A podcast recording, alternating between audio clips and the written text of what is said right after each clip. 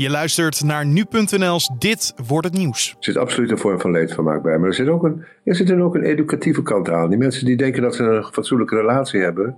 En, en die jongen die hoeft maar eventjes uh, naar, te merken dat er een vrouw naar hem kijkt. En dan is zijn vriendin vergeten. Bert van der Veer is dat, voormalig programmadirecteur bij RTL.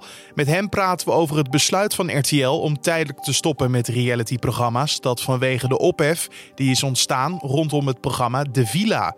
Maar nu eerst kijken we naar het belangrijkste nieuws van donderdag 28 november. En mijn naam is Carne van der Brink. Ajax heeft gisteravond goede zaken gedaan in de Champions League. De Amsterdammers wonnen namelijk van Lille met 0-2. Hierdoor zijn ze heel dichtbij overwintering in het miljoenenbal. De doelpunten waren afkomstig van Hakim Ziyech en Quincy Promes.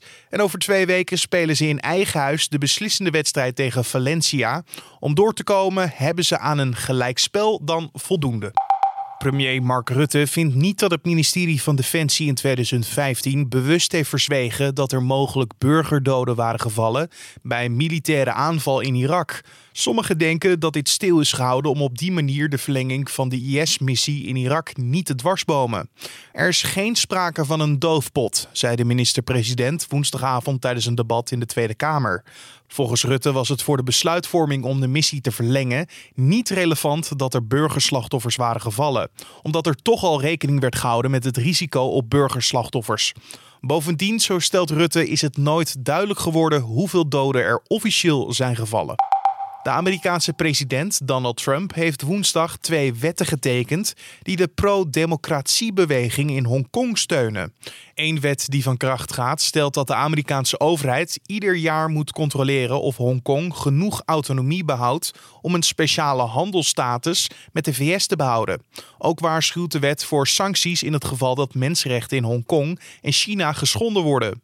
Daarnaast tekende Trump een wet die de export van wapens zoals munitie, en pepperspray aan de politie van Hongkong tegenhoudt.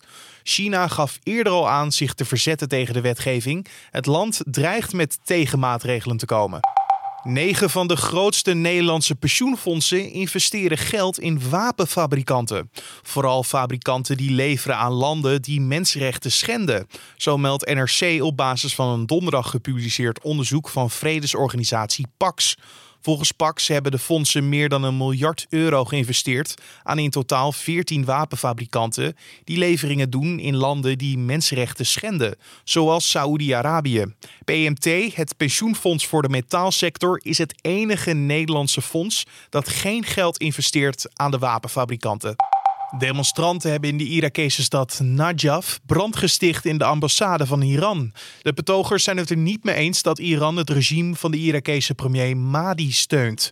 Het is het tweede incident met een Iraanse ambassade in korte tijd. Drie weken geleden werd ook een ambassade aangevallen. Bij die aanval kwamen drie Irakezen om het leven en tientallen mensen raakten gewond. En het is al maanden onrustig in Irak omdat demonstranten protesteren tegen de regering van premier Mahdi. En dan gaan we over naar het gesprek van deze podcast.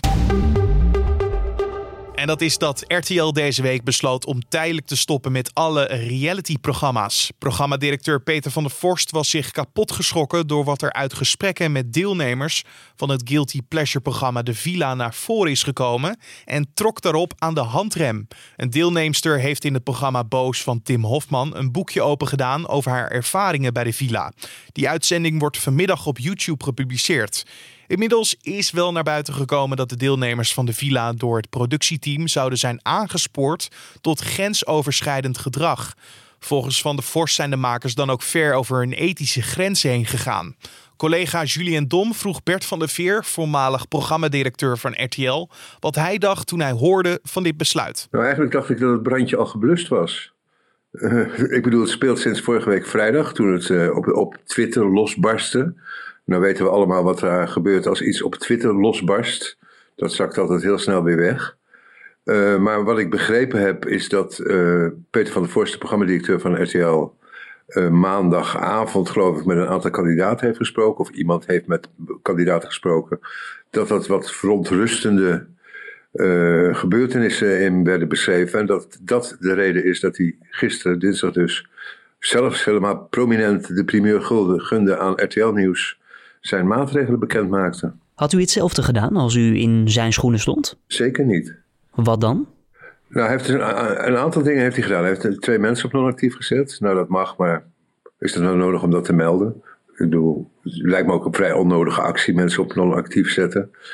Uh, hij heeft uh, gezegd dat de programma's waar het om gaat, de Villa en Temptation Island, want daar ligt ook een serie van klaar voor uitzending, voorlopig in de ijskast zullen blijven.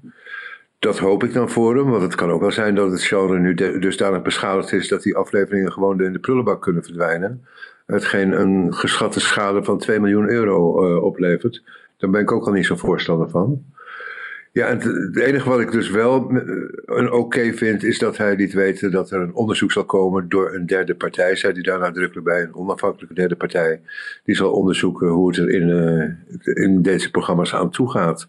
Ja, dat vind ik prima. Alleen zou ik gezegd hebben, dat houden we lekker even voor ons tot het onderzoek er is. Want nu gaat iedereen om de eh, journalisten zoals jij gaan om de week even bellen met RTL. Kunnen we het onderzoek al lezen? Ja, dat, ja, dat kan ik u ook zeker verzekeren dat we dat gaan doen.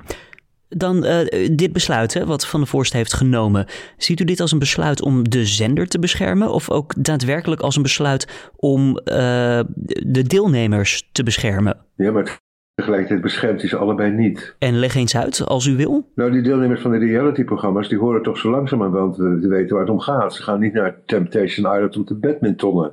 Ze gaan daarheen om, om al dan niet vreemd te gaan. Dus ja, dat, dat, dat vind ik al een, een, een punt van...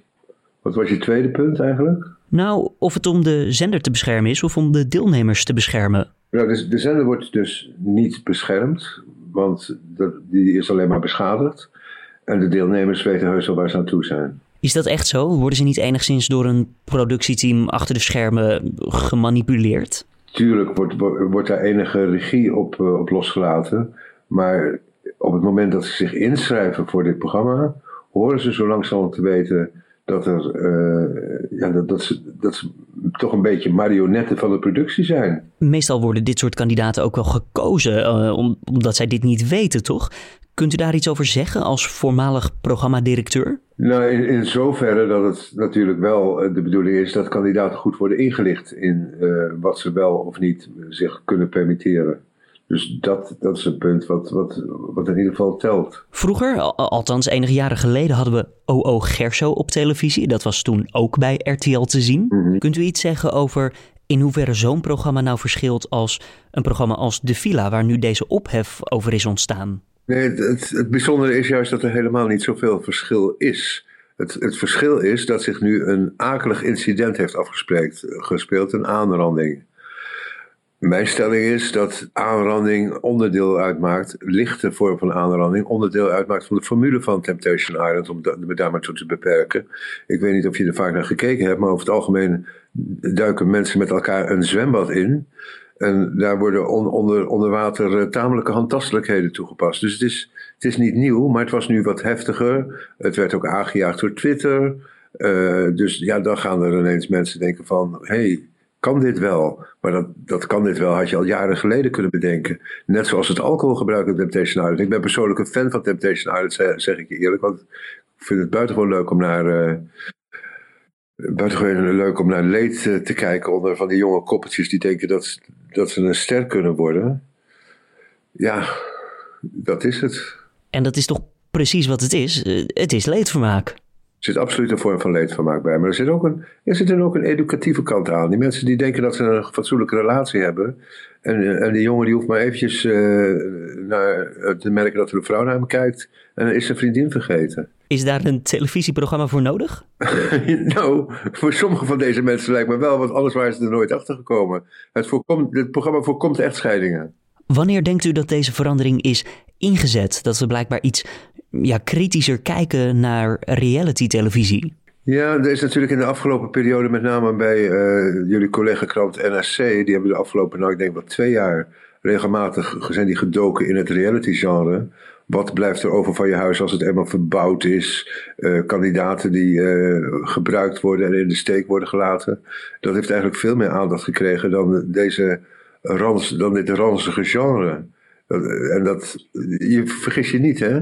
Temptation Island bestaat sinds 2002. Het is bij SBS begonnen, het is naar RTL gegaan. Het is niet iets nieuws. En het is ook niet nieuws dat die mensen met alcohol worden volgetankt. in de hoop dat dat hun, uh, ja, hun begrensdheid enigszins opheft.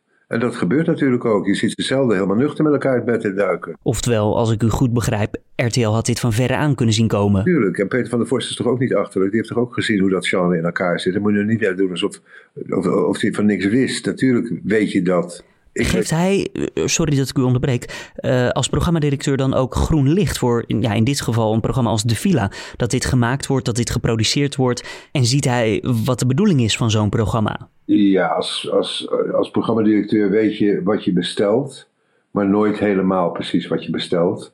En er ligt natuurlijk er ligt geen schuld, maar wel een belangrijke verantwoordelijkheid bij de productiemaatschappij. Kijk, als er uh, rare dingen in Utopia gebeuren of zo, is dat niet per se de schuld van de productiemaatschappij Talpa. Die leveren gewoon een spannend programma aan. Maar degene die het uitzenden, SBS6, is wel verantwoordelijk. Alleen denk nou niet dat er bij SBS of bij RTL de hele dag mannetjes en vrouwtjes achter het scherm zitten om te checken of alles in orde is in die programma's. Want dat gebeurt gewoon niet. Die programma's worden gewoon vaak, je zou zeggen, ongecensureerd de buis opgeflikkerd. Zou dit dan nu het einde betekenen van dit genre? Of in ieder geval van het gewoon ongecensureerd op de televisie gooien ervan? Ja, kijk, deze programma's zijn niet leuk meer als iedereen ineens in een boerka gaat lopen. Begrijp je? Dat, dat, dit is wat het is. Het is knappe mannen, knappe, knappe sexy vrouwen, drank, uh, zwembad, uh, daten, knuffelen, handtastelijkheden. Dat is het genre. Dan moet je niet Peter van der Vorst heeft gezegd van ik hoop dat ik weer van het genre kan gaan houden. Nou, dat lijkt me niet. Heeft hij het genre hiermee kapot gemaakt? het genre het ingewikkeld gemaakt in ieder geval.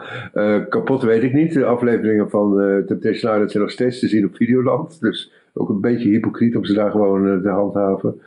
Maar ik denk wel dat, het, dat, dat de lol er een beetje af is als je als voorwaarde stelt dat er grenzen aan de seks zijn in het programma. Want daar gaat het om, weet je. Ik bedoel, je, mijn mening is dat je pas echt vreemd gaat als je met elkaar naar bed gaat. Maar dat is een ander onderwerp. Heeft u zelf eigenlijk nog wel eens contact met Van der Vorst? Nee hoor. Helemaal niet. U heeft hem ook geen appje gestuurd nadat dit allemaal losging? Nee, nee, waar zou ik me mee moeten bemoeien? Ik uh, zeg mijn mening wel via jullie. En die mening is duidelijk. Hartelijk dank Bert van der Veer, voormalig programmadirecteur van RTL.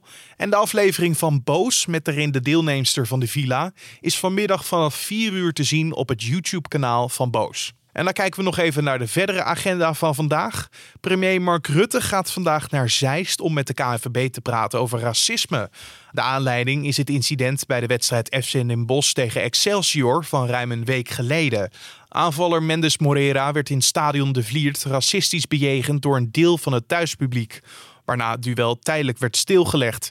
Het incident leidde tot een storm van kritiek, onder meer om de aanpak van racisme in het voetbal. En de gemeenteraad van Den Haag gaat in gesprek over de stand van zaken rond de vergunningen voor de vreugdevuren. Volgende week dinsdag besluit namelijk de gemeente of er vergunningen worden verstrekt. Eerder deze week liet waarnemend burgemeester Johan Remkens weten dat er tijdens de jaarwisseling waarschijnlijk geen vreugdevuren zullen zijn. Na twee Champions League-avonden is het tijd voor de Europa League. Feyenoord neemt het in eigen huis vanavond op tegen Rangers. En AZ ontvangt Partizan Belgrado. Later op de avond is de beurt aan PSV. De Eindhovenaren spelen uit tegen Sporting CP. En dan nog even het weer. Het is donderdag overwegend bewolkt en regenachtig. In de middag klaart het wel op in het noorden. En het blijft tot in de avond grijs en soms nat in het zuiden. Er staat een matige zuidwesten tot westenwind. En de maximumtemperatuur is ongeveer 11 graden. En om af te sluiten gaan we het nog even hebben over een droom die mogelijk uit gaat komen. What are you doing there, 3PO? Taking one last look, sir, at my friends.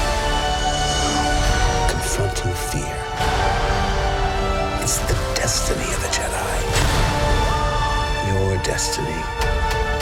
Want de grote baas van Disney, Bob Iger, heeft via Twitter toegezegd te willen kijken naar oplossing om een terminale man de nieuwste Star Wars film te laten zien voor hij officieel in première gaat. Een hospice in Engeland zocht via Twitter contact met Iger. Ze vroegen hem of hij kon helpen de laatste wens van een van de patiënten in vervulling te laten gaan. Tijd is helaas niet aan de zijde van deze patiënt. Hij is een enorme Star Wars fan, maar zal eind december hoogstwaarschijnlijk niet halen. Zijn laatste wens is om de film te kunnen bekijken met zijn zoon, zo schrijft een medewerker van het hospice. Iger reageerde hierop met geef mij de details die ik nodig heb en dan gaan we dit zeker proberen te regelen. De film Star Wars The Rise of Skywalker is vanaf 18 december te zien in de Nederlandse bioscopen. The Force will be with you. Always.